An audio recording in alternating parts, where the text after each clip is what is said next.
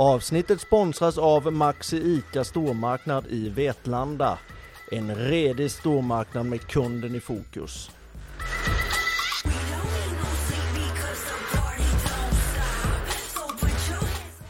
Hej och varmt välkommen till podden Intressanta människor. I den här podden får ni möta människor som delar med sig av sina livsöden, historier, framgångssagor och mycket annat. Intressanta människor finns där poddar finns, samt på Facebook, Instagram och LinkedIn. Vill ni samarbeta med podden som exempelvis avsnittssponsor så kan ni skapa kontakt via någon av dessa sidor. Vi önskar er en trevlig och inspirerande lyssning samt en bra upplevelse tillsammans med denna podd som alltså heter Intressanta människor. Hur är läget Thomas? Tack snälla, eh, tack för att jag fick komma hit. Mm, det är jag som ska tacka. Nu har vi precis fått i oss en härlig lunch i Bayernland också på Kvarnen. Ja, det är klassisk mark och jag fick ärtsoppa och pannkaka, så det är mysigt. punchen sket i då? Ja, inte punchen. Jag kör bil så att jag får ja, hoppa över det. Ja, det får man göra då. Du, eh, din solbränna? Ja, eh, man kan ju tro att jag har varit utomlands i dessa coronatider, men det har ja. inte varit. Det har varit sjukt bra väder i Stockholm och jag älskar sol. Och i min rehab nu då, som vi kommer komma in lite senare på då givetvis, så handlar det väldigt mycket om att röra på sig och vara ute. Ja, du ser otroligt frisk och kry ut. Tack. Ser jag frisk och kry ut tycker du? Eh, ja, det tycker jag. Fast jag på avstånd. ja, tack. Tack, det var fint. Du, berätta lite vem eh, du är som privatperson. Nej, men jag är Thomas Villander, bor i Sundbyberg. Jag är 56 år och eh, gift med världens bästa Kristina. Vi har två söner, Dexter 10 år och Aston 8 år. Äh, älskar livet, äh, Hammarbyare som jag sa tidigare. Därför är jag så glad att vi är i Bayernland då, här. Äh, håller på med allt möjligt med idrott med mina söner och mig själv. Och jobbar, på, är, jobbar och är partner på en rekryteringsbyrå. Ja, okej. Okay. Men just nu är du sjukskriven? Just nu är jag sjukskriven. Och jag har varit sjukskriven då sedan 27 mars 2020. Ja. Jag måste bara fråga dig, vilka fler idrotter än fotboll är det som gäller för dig? Hockey och fotboll. Mm. Innebandy var det förr, men nu är det bara hockey och fotboll. Jag antar att det inte är Bayern i hockey? Nej, det är det inte. Av en förkärlek som alla Hammarbyare så håller de flesta Hammarbyare på Leksand faktiskt. Ja, okej. Okay. Ja, men det är trevligt. Till och med när från Småland är ja. mycket leksingar. Ja, att... eh, jag har svårt att förstå det, men... Eh, ja, Alexander... jag också. ja, så är det. Men hur har det gått Alexander Ytterell? Är han tillbaka där nu? Jag vet Så koll, bra koll har jag inte längre. Ja. De gjorde ju en otroligt bra SHL-säsong nu ja. som var, men katastrof i slutspelet. Ja. ja, men så är det väl ofta. Du Thomas, du har ju skrivit en bok. Precis. Jag har ju skrivit en bok tillsammans med Marcus Birro mm. om min coronaresa. Ja. Som eh, är både gripande, läskig och intressant. Men har ett jävligt bra slut, för jag överlevde ju. Det är därför ja. boken finns. Ja. Eh, kan du, vill du berätta liksom, eh, ta resan från början, hur allt började? Absolut. Det är ju otroligt gripande historia. Ja, det är det. Eh, vill börja med att säga att tack för att jag fick komma hit och berätta om boken. För boken har väldigt mycket olika perspektiv. Mm. Och det var väl min grundtanke när jag väl kom ut från sjukhuset efter 106 dagar. För jag låg inne i 106 dygn mm. i svensk sjukvård. Och där och då så kände jag också den här otroliga tacksamheten till svensk sjukvård. Eh, jag träffade ju medarbetare på sjukhusen, för det här gäller säkert alla sjukhus, inte bara Danderyd som jag låg på. Men att hur det brann i ögonen på de här som jobbade, oavsett om det var läkare eller systrar eller städerskor eller städare. Eh, hur de med sitt liv som insats ville rädda mitt liv. Ja. Det här var ju så otroligt tidigt i coronatiderna. Jag åkte ju in mer eller mindre akut den 27 mars. Men för att backa bandet och berätta från början. Så skulle man ju kunna säga att allting startar sportlovet 2020. Mm. Familjen åker till Thailand på semester. Och eh, då har det precis börjat de här utbrotten i Wang i Kina. Där man tror allting har startat. Det vet man fortfarande inte. Eh, och det där skulle ju komma som en svag bris över världen. Och vi i Sverige skulle inte bli drabbade alls, kanske, trodde man då. Och vi åker till Thailand som sagt var. Det som händer där när vi landar i Thailand, det är att de tar temperaturen på alla, alltså skjuter med en sån här laserpistol typ. Och titta vilken temperatur alla hade. Och då blir man ju så här fundersam på varför de gjorde det. Och vad skulle hända om man hade temperatur, eller feber? Ja. Skulle man inte få komma in då? Jag, jag vet inte. Men eh, alla klarade den här testen. Och, eh, Men det var vi... ingen kontroll när ni flög från Arlanda? Ingenting på Arlanda. Nej. Men i Thailand. Ja. Och eh, så var vi i Thailand i två veckor. Mådde jättebra. Vart ändå brunare än vad jag är nu. Ja, det är svårt att tro det. ja, faktiskt.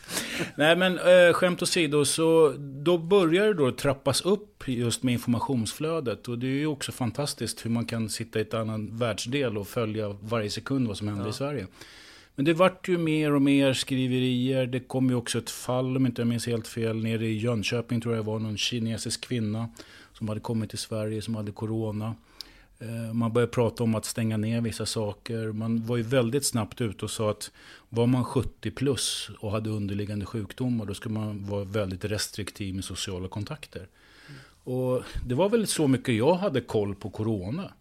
Eh, som sagt, vi har jobbat på en rekryteringsbyrå. Vi började fundera på hur vår verksamhet skulle drabbas av det här. Eller hur kunde vi liksom göra minsta skada för våra anställda och allt sånt där. Så att vi började titta på och börja ta bort folk eller säga upp människor. Och även också vi skulle kunna permittera folk och sådana grejer. Då. Eh, för vi förstod någonstans att rekrytering kommer försvinna mer eller mindre. Och kanske bemanning som vi också jobbar med skulle öka då när man ville hyra in kompetens.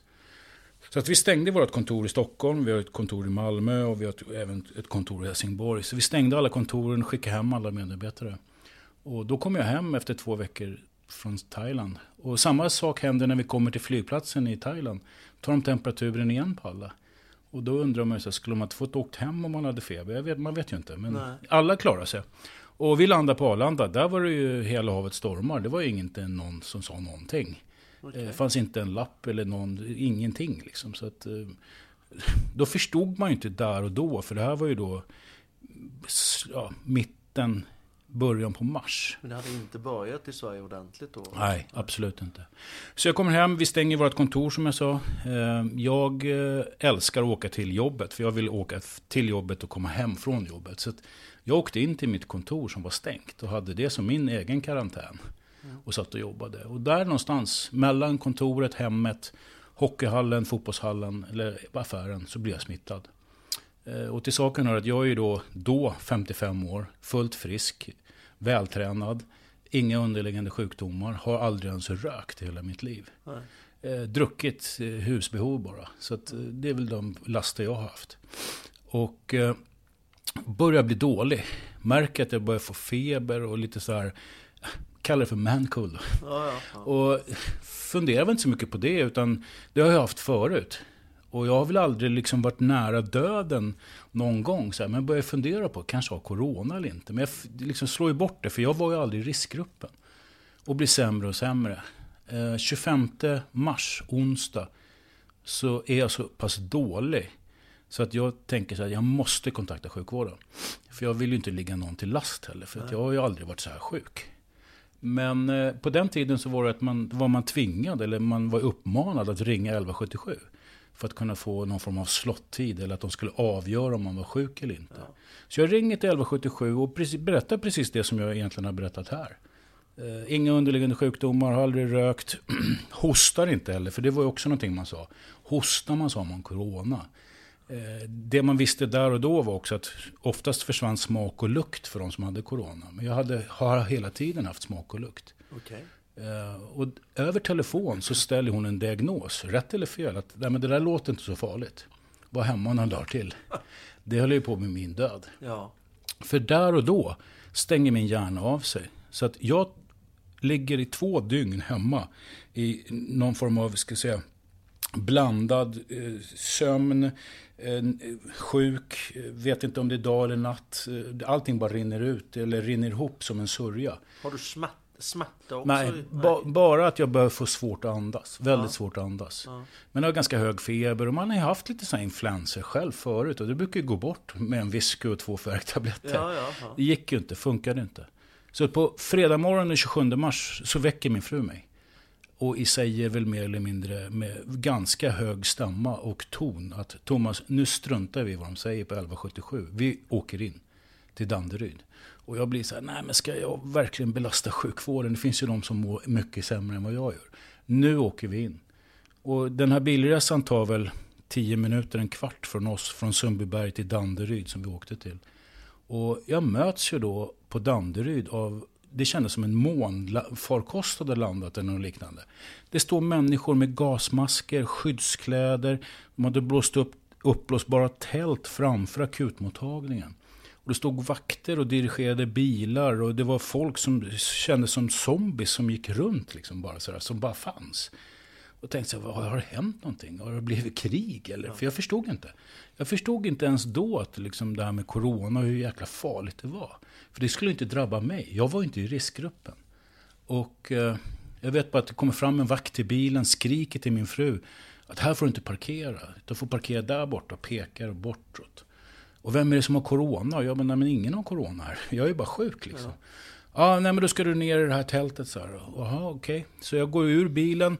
Min fru ska flytta den, stanna bilen. Jag går ner lite sakta mot den här entrén då, som är uppblåsbar på sjukhuset. Och jag hör min fru ropa någonting. Jag vänder mig om. Och allt det här kommer jag ihåg i bilder. Jag har liksom ingen sammanhängande, liksom, typ som en film. Mm. Och där och då så säger jag då att, vänder mig om och säger Kristina heter min fru då. Kristina, vi hörs ikväll. Eller jag skickar ett sms. Det kunde bli det sista jag sagt till min fru. För att jag pratar inte med henne på 49 dagar. Eh, sen när jag blir då, men det kommer vi till lite senare. Ja. Går ner i den här tunneln. Eh, kommer två läkare fram till mig. Jag ser ju inte om det är man eller kvinnor. För alla hade gasmask och skyddskläder. Alla utanför hade blåa. De här hade gröna kläder på sig. Får, de tar syresättning, feber och massa saker. Jag hör bara ordet 50, eller siffrorna 55 procent. Det är min syresättning. Mm. Och man säger ju att man ska ha 95 till 100. Då är man liksom normalt frisk. Och har man under 90 är det farligt. Så att jag förstår att det där var inte bra. Mm. Och jag hör också bakifrån någon säger. Det här är inte alls bra. Och det blir, jag gör inte mig friskare direkt. Nej. Fram kommer en rullstol. Jag rullas in på ett rum för att de vet fortfarande inte om jag har corona eller inte. Så att jag blir satt i karantän ska man kunna säga. Och det här händer då på fredag förmiddagen. Där och då så tror jag att jag blir sövd ganska omgående. Men jag blir sövd sent på natten. Så jag har då levt i det här rummet och gjort massa saker. Bland annat skickat sms till folk och jag har ringt folk och det här kommer jag inte ens ihåg. Och som jag sa tidigare så var det på onsdagen när jag ringde till 1177, där och då stängde min hjärna av sig. På fredagen åkte jag in. Eh, jag trodde fortfarande att det var onsdag då. Du har liksom inget minne alls däremellan? Nej. Och eh, när jag då blir sövd, eller rättare sagt så här är det. In i rummet kommer den här läkaren. Och den här kvinnliga läkaren då, som jag har fått reda på efteråt då, som kommer, dels tar emot mig på akutmottagningen och även är inne i mitt rum. Eh, den kvinnan tror ju inte så här efteråt då, när jag har pratat med henne, för hon finns med i min bok. Där hon säger att Thomas, jag trodde inte du skulle överleva, för du var så fruktansvärt dåligt skick. Så jag hade då i det här rummet och gjort massa saker som jag sa, skickat sms och ringt och allt möjligt, kommer inte ihåg det. Precis som man skulle vara onykter och, och göra saker som ja, man inte kommer ihåg. Ja. Eh, hon håller min hand. För tydligen det sista jag säger innan jag blir sövd var att kommer jag dö nu? Vad händer med min fru och vad händer med mina barn? Ja. Och då hon håller min hand så säger hon till mig, och läkare får inte ljuga heller. Då säger hon till mig, Thomas, vi ska göra allt vad vi kan, säger hon till mig. Men hon tänker, det här är nog sista samtalet. Åh, fy fan. Det som är lite kul i den här historien med den här läkaren, kvinnliga, det är då min husläkare i Sundbyberg. Jaså. Så hon har alltså sett mig komma som ett spöke, som hon själv beskriver ja. sig, till akutmottagningen. Tills jag idag, inte brudbränd hela tiden då, men mycket piggare, friskare och allt sånt där. Och hon finns med i boken. Hon har ett eget kapitel. Hon heter... Eh, vad sjutton heter hon? Johanna, tack, tappa bort. Johanna heter hon. Och det är jättespeciellt, för hon beskriver också sin version, alltså som ett läkarperspektiv. Ja. Vad är det som hände på akutmottagningar och vad var hennes liksom, infallsvinkel på ja. det här? Ja, man har ju läst sådana skräckhistorier om att de har jobbat flera dygn på raken och, och de här bitarna. Och ja. så. Hur känner man? Alltså jag måste bara, jag vet att du ska få fortsätta och, och berätta. Men när hon säger det till dig, har du någon som helst uppfattning om din tanke när hon säger det? När vi ska, det har du inte. Det här kommer jag, det här kommer jag inte ihåg. Hon har berättat det efteråt. Mm. Eh, jag kommer inte ihåg det här. Eh, däremot så är det det sista jag säger innan jag blir sövd och är då sövd i 36 dygn. Ja. Det sista jag säger, vad- kommer jag dö nu? Vad händer med mina barn och vad händer med min familj? Det är samma sak säger jag när jag vaknar upp. Det är helt otroligt. Ja, det är alltså. Och de här 36 dygnen då som jag är sövd, det är ju som en svart ruta. Och som jag sa tidigare, jag trodde ju jag åkte in till sjukhuset på onsdagen. Ja. Så när jag vaknar då efter 36 dagar, eller det blir ju 36 dagar plus fredag och torsdag, för jag trodde det var onsdag. Så det var ju egentligen 38 dagar. Ja. Så tror jag att det är torsdag, för jag åkte in dit på en onsdag. Så när jag vaknar då i en säng på intensivvården, alltså IVA. Det har också blivit så här, nu vet ju alla vad IVA är helt plötsligt. Det visste man ju inte innan. Nej. Så då vaknar jag på IVA efter 36 dygn och eh, tror att det är onsdag, eller torsdag då för att jag har sovit en dag. Men det är 36 dagar senare. Och under de här 36 dygnen då har det hänt massa saker med min kropp. Bland annat så två eller tre gånger så blir det så kritiskt så att de kontaktar min familj och säger att jag inte kommer att överleva. Eh, Att min fru ska berätta för barnen att pappa kommer inte komma hem. Eh, Och det är ju fruktansvärt att få ett sånt besked. Vad är det som händer då med kroppen? Ja, men den höll ju på att lägga av helt och hållet. Ja, allting, organen. allting slutade fungera. Eh, och det är ju så att läkare, det, det enda som man som, med, eller som anhörig vill höra, det är ju ett hopp. Det enda läkarna kan ge, det är ju bara en status här och nu. Och man mår ju, när man ligger på intensivvårdsavdelningar så är det ju, man pratar ju timmar liksom hur man mår. Det kan ju vara jättebra på förmiddagen och jättedåligt på eftermiddagen. Så att eh, det enda min fru då, den korta kontaktytan hon hade, det var ju i princip ett samtal kanske per dag på telefon, fyra fem minuter. Och hon vart ju så här, varför hör ni inte av er för? Och allt sånt där. Men det låg ju x antal personer som hade corona givetvis, men även andra sjukdomar också på intensivvården. Så de har ju inte tid att höra av sig på samma sätt. Då. Nej. Så att min fru har ju då ett, ett ganska viktigt kapitel i boken. Det är ju när hon beskriver det här anhörigperspektivet. Och det, hon kanske har gått den tuffaste resan av, av hela familjen. Fick hon komma dit och titta på någon Ja, hon varit insmugglad två gånger. Eh, Men det är ju, Insmugglad? Alltså man insmugglad. Nej, igen- men det är ju så att det var ju smittorisker. Alltså det här var ju väldigt tidigt i corona. Det innebar ju att man visste ju inte alls någonting. Så hon vart insmugglad och man trodde ju då det här att klassiska att, att en anhörig eller en fru eller en man kommer in och klappar på henne eller kanske viskar någonting i örat. Att man ska liksom höra det i alla fall. Eh, Men det fungerar inte på mig tyvärr. Men hon var inne två gånger, vet jag efteråt. Och det som är så fantastiskt i den här historien, och det är ju så att svensk sjukvård, det är ju lite de jag vill hylla i första hand. Och även min familj givetvis, och vårt, vårt nätverk runt omkring oss. För de har ju ställt upp allihopa. Men när jag ligger sövd i 36 dagar så har man skrivit dagböcker i den här krigszonen eller den här sörjan eller mänskliga myrstacken, för det är ju så mycket folk som är inblandade på en intensivvårdsavdelning, så har de skrivit dagböcker. Så jag har sex stycken dagböcker som är tätskrivna. Som Var- din familj har skrivit? Nej, som sjukvården Ja, som sjukvården har skrivit, Ja, till Ja, mig, och min familj. Och det har gör man utifrån att man, oftast när man ligger så så vill man ju veta vad som hände. Ja. Och då står det så här små hälsningar. Och det som är så mest fascinerande, det är att det är ju då sex tätskrivna klassiska skolböcker, anteckningsböcker kan man säga. Och varje avsnitt har ju någon person skrivit. Och så har de skrivit under med sina namn. Det är nästan hela tiden olika namn. Då förstår man också hur fruktansvärt mycket människor som är inblandade. Helt makalöst. Ja. Det är ju helt fantastiskt att, Ja. att de gör det. Alltså. Nu vet jag inte om alla gör det på alla intensivvårdsavdelningar, men det där är också, visar det sig nu, för nu kommer jag hoppa framåt lite i historien. Ja. Och det är att alla, i alla fall på Danderyd, som har legat mer än 36 timmar på intensivvården, blir erbjudna ett återkopplingssamtal.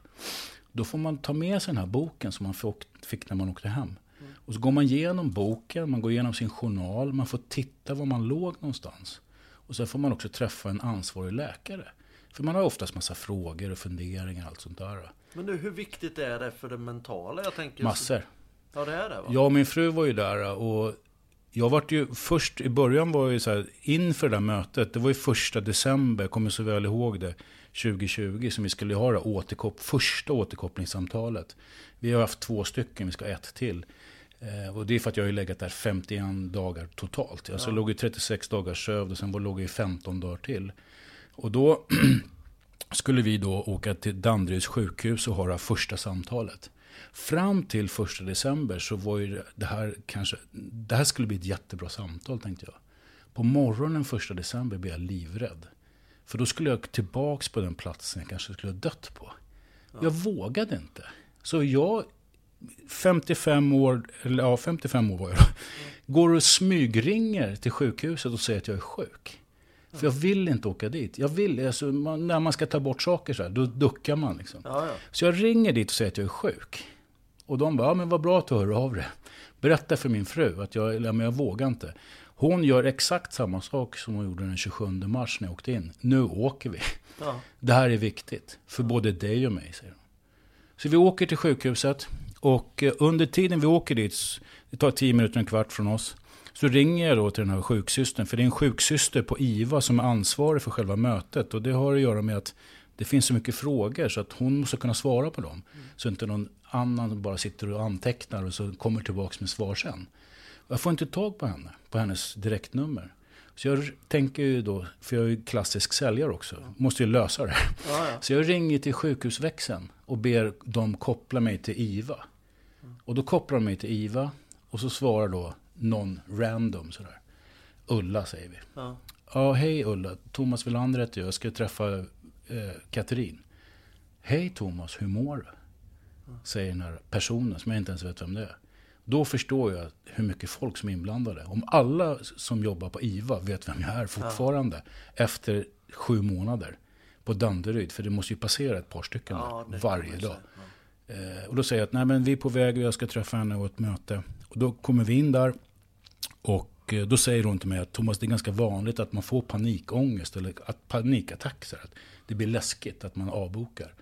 Men då har vi i alla fall ett möte eller ett samtal under två och en halv timme där jag ställer, får ställa alla frågor. Vi hade ju tusentals frågor. Varför blev jag sjuk? Varför dog jag inte? Varför överlevde jag? Vad hände? Och så vidare. Och då sitter Otto, heter han, som är ansvarig läkare på IVA. Och då så frågar jag då, vad, hur, liksom, jag var på väg att dö, liksom, hur nära var det? Utan att röra en muskel i ansiktet så säger han bara, Thomas, du var nära att dö massa gånger. Vi behöver inte prata om det. Nej. Hur är det att höra det? Äh, då rann vi tårarna. Ja.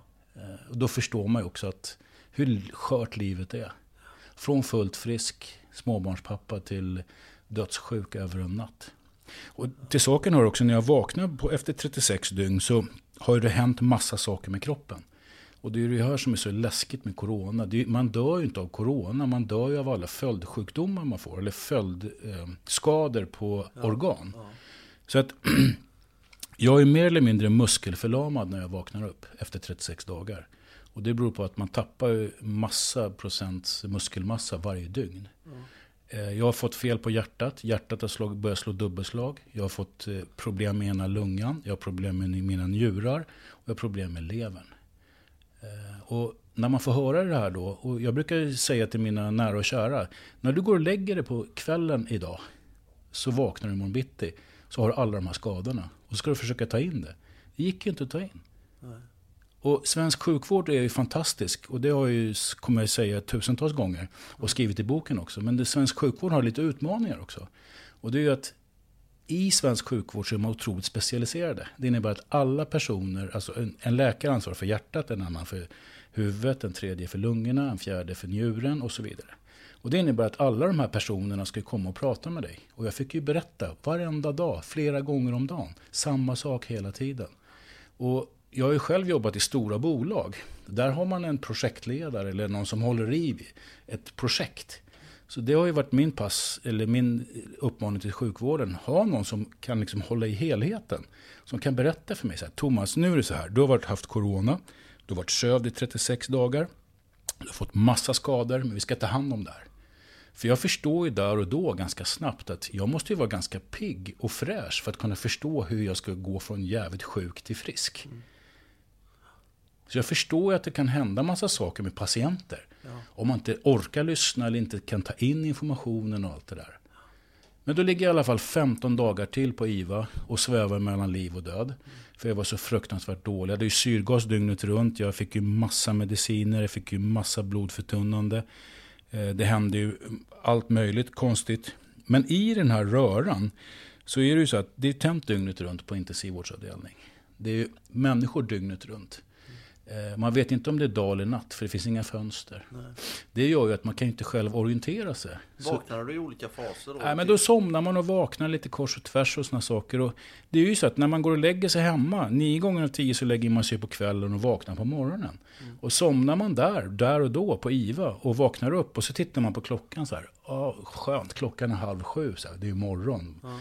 Inte för att jag ska någonstans, för jag ligger mer eller mindre ja, förlamad. Ja. Men då säger någon till en så här, nej men hon är halv sju på kvällen, det blir ju världens längsta dag. Och då blir det så här jättejobbigt helt plötsligt. Och det blir mer en sån psykologisk sak. Så det har jag faktiskt jag tagit upp med Danderyds sjukhus, för jag har varit där och föreläst om min resa. Ja. Så att nu har de faktiskt köpt in en 24 timmars digital klocka Jaha. på intensiven. Och, och då blir man ju så här glad och stolt att lilla jag kan liksom påverka en sjukvård som har funnits i flera hundra år. Ja. Men det måste ju vara jätteviktigt alltså? Ja, men jag tror det. Och så fort jag berättar det här för folk runt omkring mig och även när jag kom till sjukvården på Danderyd och berättade det så blir ju alla så här, ja men det har du helt rätt i. Det är bara att man inte tänker på det. Nej. Det är de små smaker, så små saker som är viktiga. Ja. Var det bara Danderyd du låg på under den här tiden? Nej, absolut inte. Eh, jag vill bara berätta om en annan ja. jättespännande sak ja, som hände där också. I den här eh, då röran, det är ju som en krigszon eller en mänsklig myrstack som jag brukar säga. Så är det ju folk dygnet runt, det händer saker, det är tänt, det blinkar och det far. Och det är ganska, ganska jobbig miljö att vara i.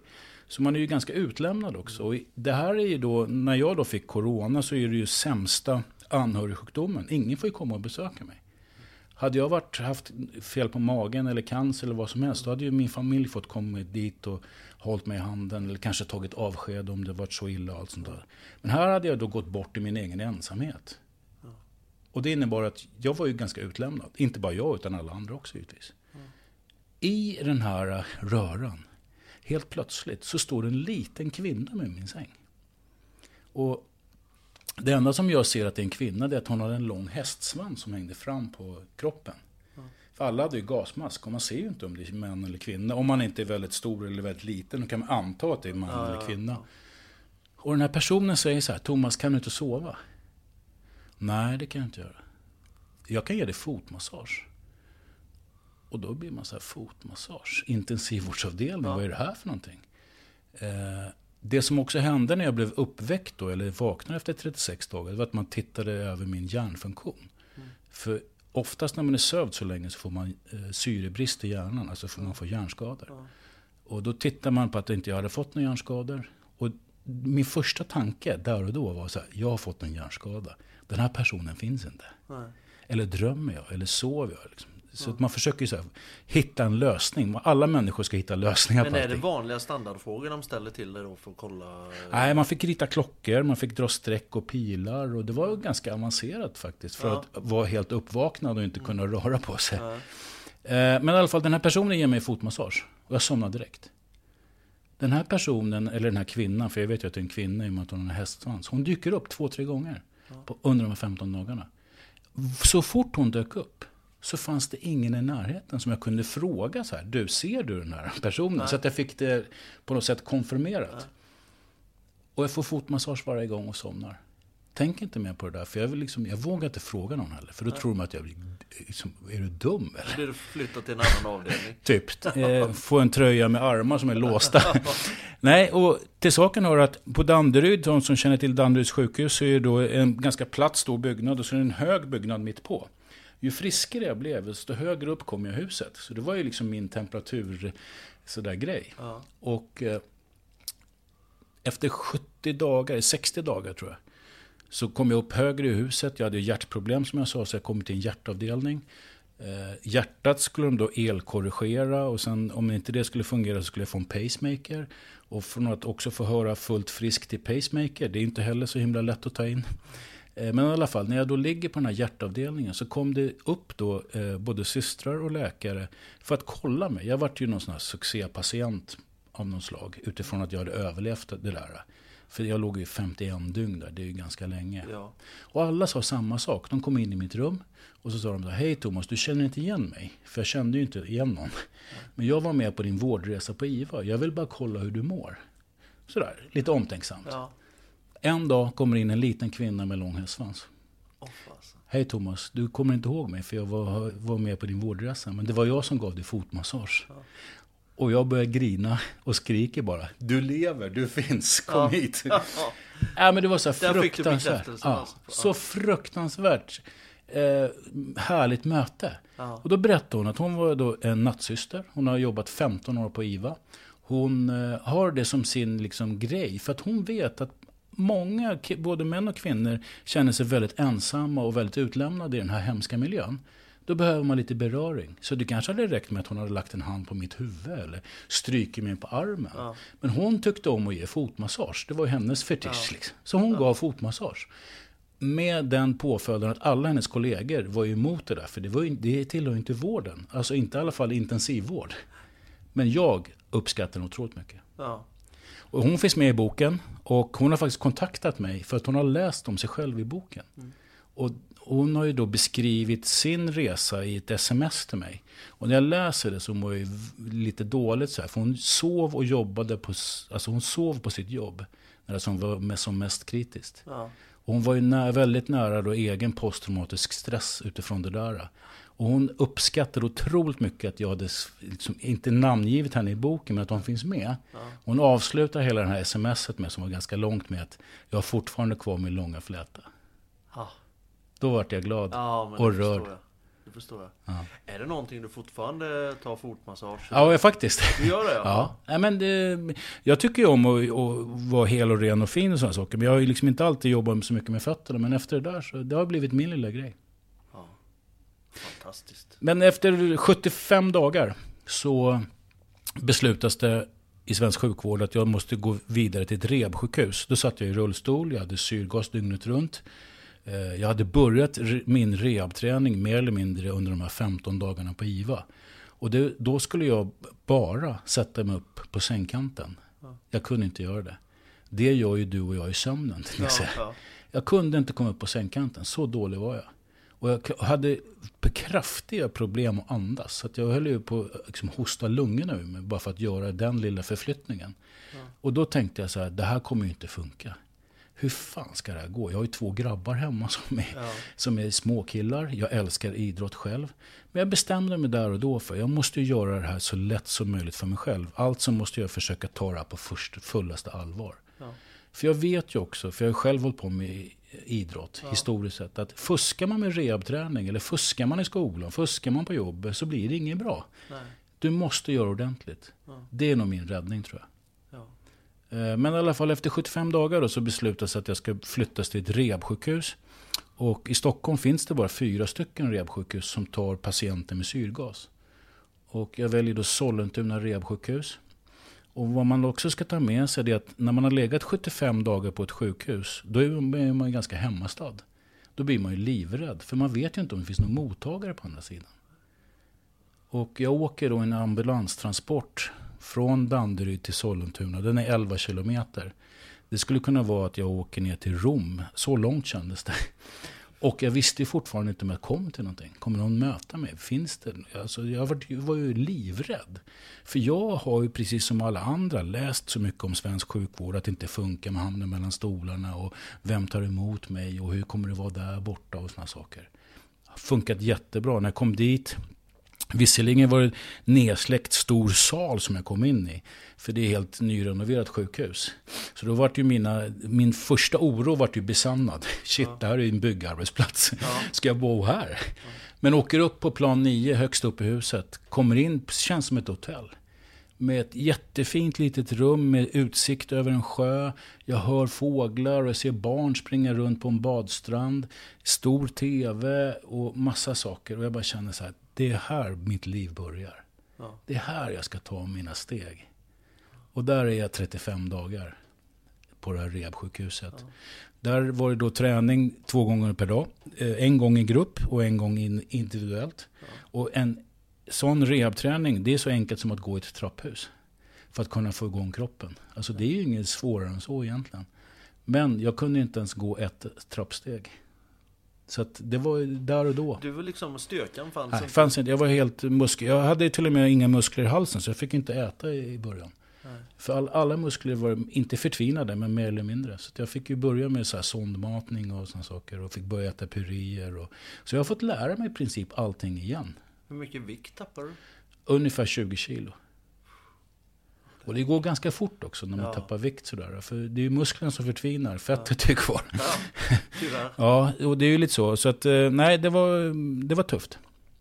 Har du ätit upp de 20 kilona? Ja, men det har jag gjort. Och sen har jag ju kört hårt. Jag har kört väldigt hårt. Ja. Eh, många är ju väldigt fascinerade när de träffar mig. Ja. Och när man har sett bilder på hur jag såg ut. Jag var, såg ut som ett spöke. Det var, ja, jag har ju sett bilderna Ja, som florerar. ju. och eh, väldigt hopsjunken. Och ja.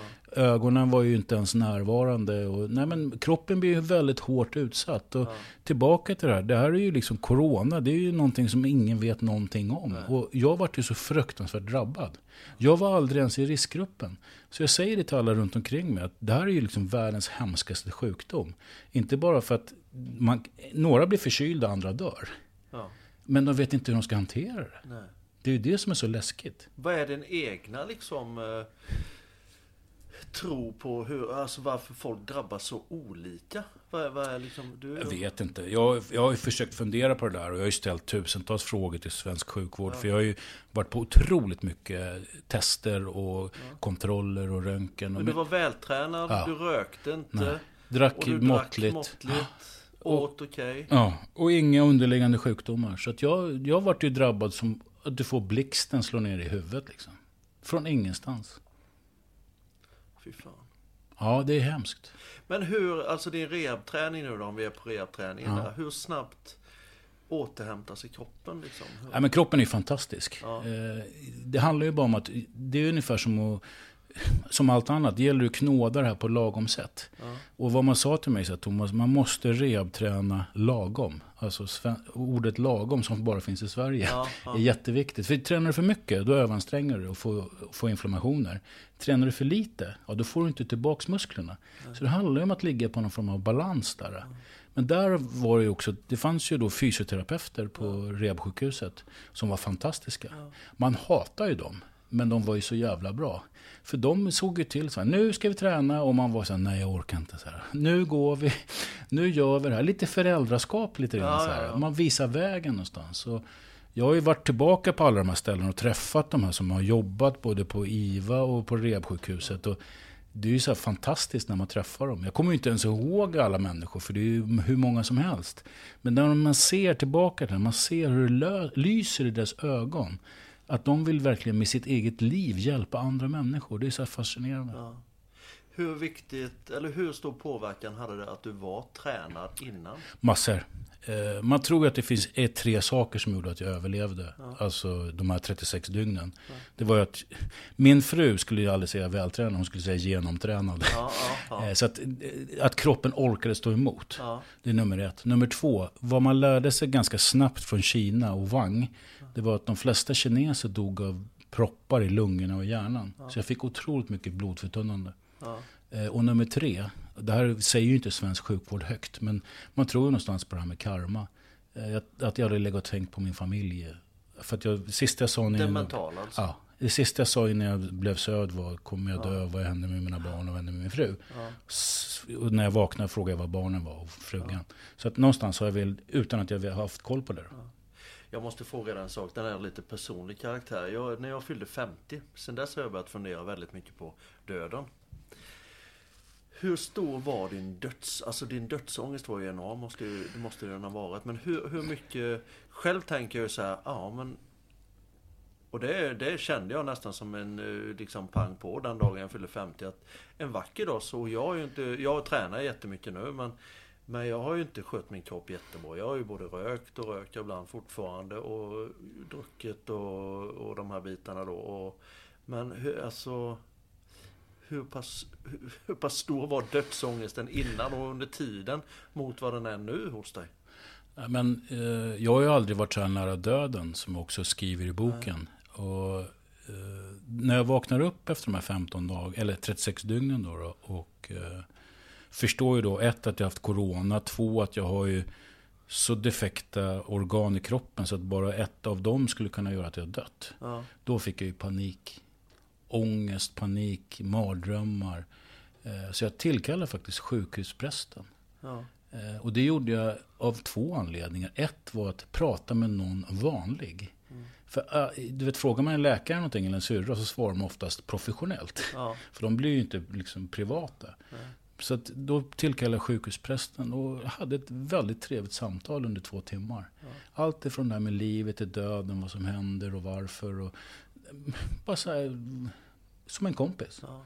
Eh, nummer två var ju så att eh, jag måste ha någon som, jag vet inte varför jag tänkte så, men jag måste ha någon som kan liksom berätta för barnen att hur mycket jag älskar dem och min fru. Och, så att det inte bara är någon från sjukhuset utan även prästen. Så jag vet att jag sa det till honom så att jag vill att du ska hälsa det här och det här.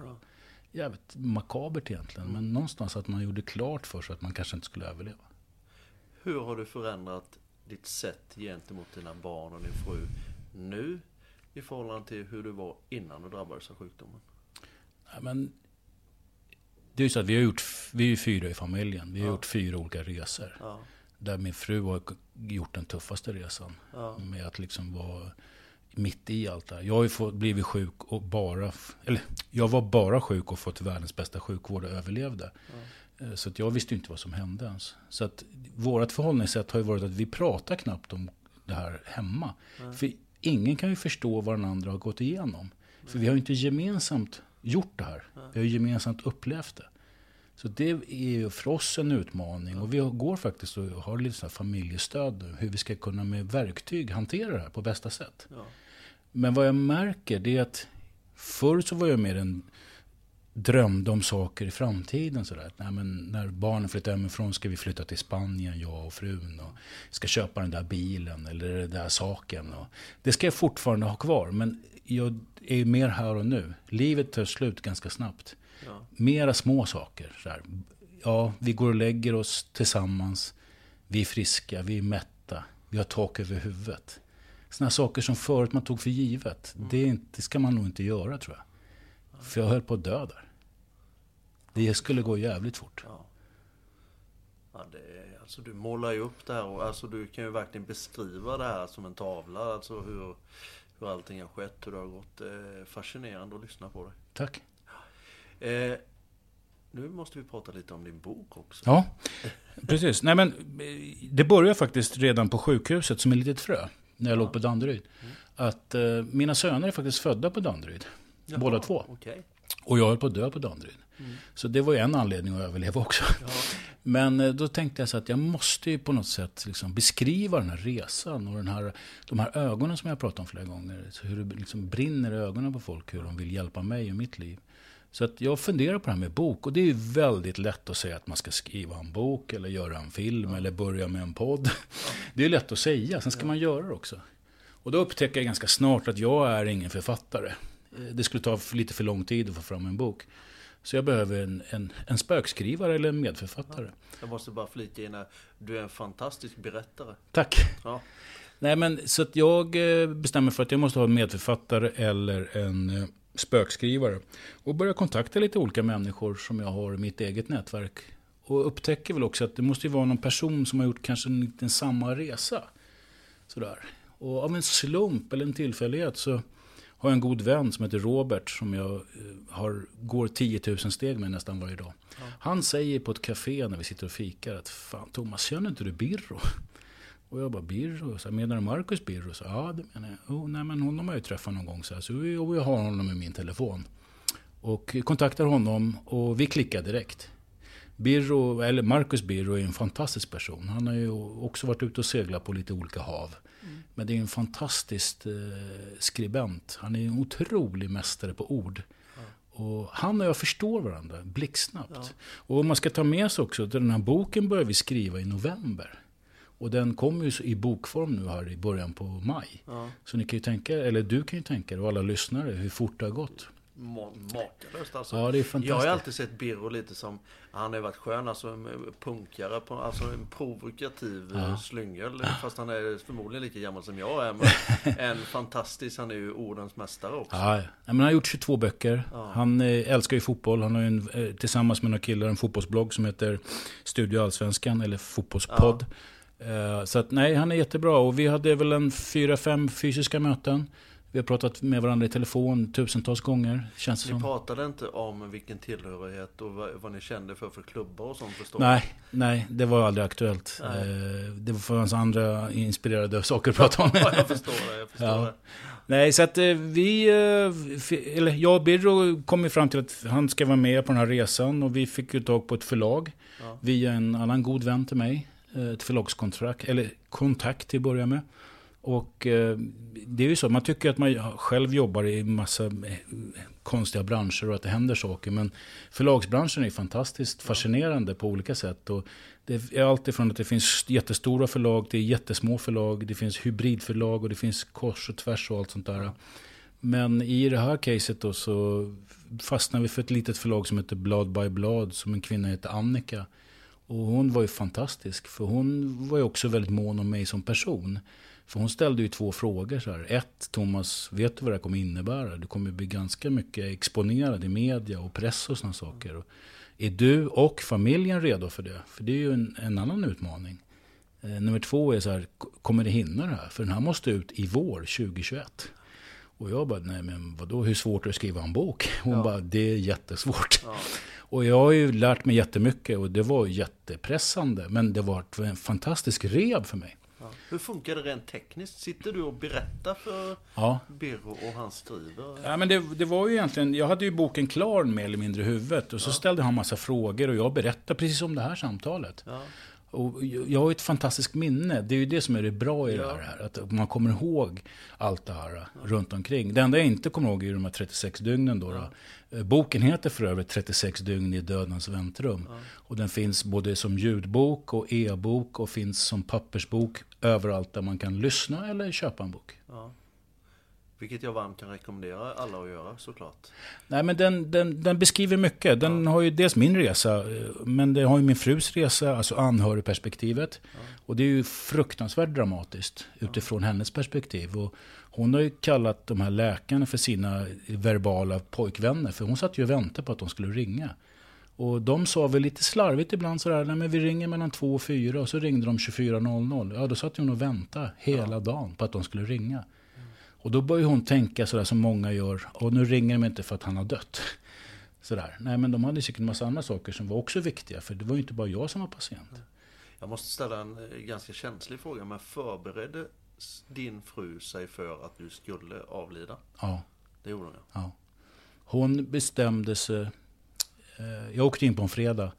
På söndagen där så var det redan kritiskt då. När jag varit nedsövd i två dagar. Då bestämde hon sig för att ett, jag måste leva ett så normalt liv som möjligt för barnens skull. Utifrån att de är för små och förstår inte. Och att hon själv måste stålsätta sig. Eh, som jag sa, två, tre gånger så hörde de av sig från sjukhuset och sa att jag inte kanske skulle överleva. Så ett, hon hade en gång pratat med grabbarna att inte pappa skulle komma hem. Satt de i en ring i deras lekrum och skulle hon försöka berätta för dem, de var ju då nio och sju år, att pappa är så dålig och att pappa inte ska komma hem mer. Så det, var, det var lite känsligt. Ja, fruktansvärt. Ja. Usch, man blir tagen. Ja, faktiskt. Det... Ja. Ja, men det har gått vidare. Du, har, du, har, du ser väldigt frisk och välmående ut. Ja, nej, men, och det, det vill jag också säga i det, här, i det här mötet, eh, som ett perspektiv. Det är att många i vår närhet, eller det är väldigt många i vår närhet som har varit väldigt eh, stor hjälp i den här resan. Allt ifrån, eh, det var en granne som kom med mat varannan dag, ställde utanför dörren, ringde på och gick, sa ingenting, utan gjorde bara det. Det var några andra grannar som tog med grabbarna på deras aktiviteter. Någon annan kom hem med bullar varannan dag. Ja, men det här, de här små sakerna. Jag tror att det, det är där vi måste lära oss generellt. Att det är de små sakerna som betyder någonting. Ja. Det är inte bara att göra stora grejer och stora fester. Utan det räcker med att ibland skicka ett hjärta eller bara ringa och säga att jag, jag finns. Du måste väl ha stött på den andra sortens människor också? De Ja. som liksom undviker er familj för de inte vet hur de ska hantera situationen. Ja, men jag brukar säga att några, tagit, några tar ett steg framåt. Och det kanske är de som har varit med om något själv, något läskigt eller Ja. någonting så att man förstår att man behöver hjälp. Ja. Andra som kanske inte har varit med om det på samma sätt, kanske inte vet vad man ska säga eller göra, då struntar man i det istället. Ja. Så att absolut har några tagit ett steg bakåt, självklart. Omedvetet givetvis, för jag tror inte att någon medvetet gör det. Utan det är bara att man inte vet vad man ska göra. Har vissa vänskapsband knutits ännu hårdare efter sjukdomen? Ja, det har det. Det har det. Ja, verkligen. Nej, men, eh, det är ju ens gamla vänner som finns runt omkring Ja. en. Men några tog också ett steg framåt. Bland annat eh, min äldsta son Dexter och en klasskompis, hans föräldrar. De vart ju som våra ja, nya föräldrar för barnen. De var ju där nästan varje dag. Ja. Och eh, aldrig något snack om att de inte skulle göra det, utan det var bara självklart. Liksom. Ja. Precis likadant som jag skulle göra för deras familj. Ja. Ja. Ja, vilken jävla resa ni har varit med om. Ja. Makalöst. Om vi tar, det har ju varit en jättemedia karusell för dig och din familj såklart här nu. Du har varit med i Morgonstudion och du har varit med. Hur, hur känns det liksom och hur kan man hantera allt sånt från att gå ifrån att vara ändå, nu ursäkta uttrycket, men ganska anonym svensk till en ganska känd Ja. svensk. Nej, men det, det var ju det min förläggare frågade mig också, om jag var liksom redo för det där. Och, nej, men jag, är ju, jag och min fru är väldigt olika men väldigt lika. Jag är väldigt extrovert och säljperson, gillar att stå och prata för folk Ja. och är toastmaster och allt sånt där. Och har inga problem att och liksom ställa mig på en scen. Så att det har nog hjälpt mig, absolut. Men till det här också hör ju att i förlaget så finns det ju en PR-ansvarig. Hon har ju varit otroligt stort Ja. stöd och hjälp. Med allt ifrån alla mediekontakter givetvis. Ja. För det började ringa direkt. Ringde från Expressen, Aftonbladet och alla möjliga konstiga. Och alla ville intervjuer och allt sånt där. Och då blir man ju först glad, sen blir man ju orolig. Sen blir man så här fundersam på vad ska man säga, hur ska man säga. Ja. Och hon var bara så här, allting går ju via mig, punkt slut. Ja. Och så fick jag då, så här, eller jag och min fru, för min fru har ju varit med både på tv och radio, men fick vi slottider och man ska också ta med sig är att både SVT och och TV4 som vi har varit i har ju varit otroligt proffsiga. De har ringt med researcher, de har ställt, vi har fått reda på alla frågor innan och allt sånt där. Men vad man också ska ta med sig det är att man sitter ju och pratar i direktsänd tv. Ja. På TV4 så är det väl en tre miljoner tittare. Liksom. Ja. Du får frågor direkt och det går ju liksom inte att sitta och, och göra omtagningar. Nej, Nej, nej. det gör ju inte det. Så att det handlar ju om att liksom stålsätta sig givetvis. Ja. Och min fru har inte varit lika bekväm med det här. Men alla tycker ju, och jag också, att jag vill ju få fram anhörigperspektivet. För att tar man bort ordet corona i min bok så kunde det varit en cancerpatient eller en som har någon annan hemsk sjukdom eller något annat. Just för det här anhörigperspektivet Ja. och vad som händer på IVA, IVA eller rehabsjukhuset i Sundbyberg eller i Solna och allt sånt där. För det är ju lite så här att många kommer inte i kontakt med det där. Och det är ju inte bara att jag har varit sjuk i 36 dygn och sövd som titeln heter på boken. För det är ju bara 10% av min resa. Sen börjar ju liksom den tunga resan. Känner du att det liksom går framåt varje dag? Absolut. Nej, men jag mår ju otroligt mycket bättre. Och eh, fysiskt är jag nog tillbaka där jag var när jag blev sjuk. Däremot så är det ju lite mentalt sådär. Jag, Ja. När det blir höga ljud och mycket saker runt omkring. Och Ja. jag märker också att det är viktigt att sova och äta ordentligt. Att man har rutiner, tillbaks till rutiner. Ja. Pannbenet, Hur mycket träning gör du nu? varje dag. Och Jag- vad innebär träning? Ja, men varje, va- det är också så här, jag är så otroligt tacksam, inte bara att jag är förälder, men att jag är förälder till småbarn. Ja, Det innebär att jag, måste, jag är behövd. ja, Jag måste gå upp på morgonen. Så jag går upp varje morgon, eh, vardagsmorgon i alla fall. Jag fixar frukost till grabbarna, eller vi gör det tillsammans. Så äter vi frukost, klär på oss och så går jag till skolan med dem. Då innebär att klockan åtta varje morgon så är jag påklädd och klar och äten. Det innebär att jag kan göra någonting. Då går jag 10 000 steg. Jag har två sjöar i Sundbyberg där vi bor som jag går runt. Och det är 10 000 steg. Det är en bra start. det start. det tog två timmar första gången. Ja, Idag tar det 50 minuter. Så då ser du också min, min progress ifrån. ja. Jag brukar räkna det när jag går att tusen steg på 10 minuter. Det innebär att jag går jävligt mycket långsammare än vad du gör. Ja, det kan man säga.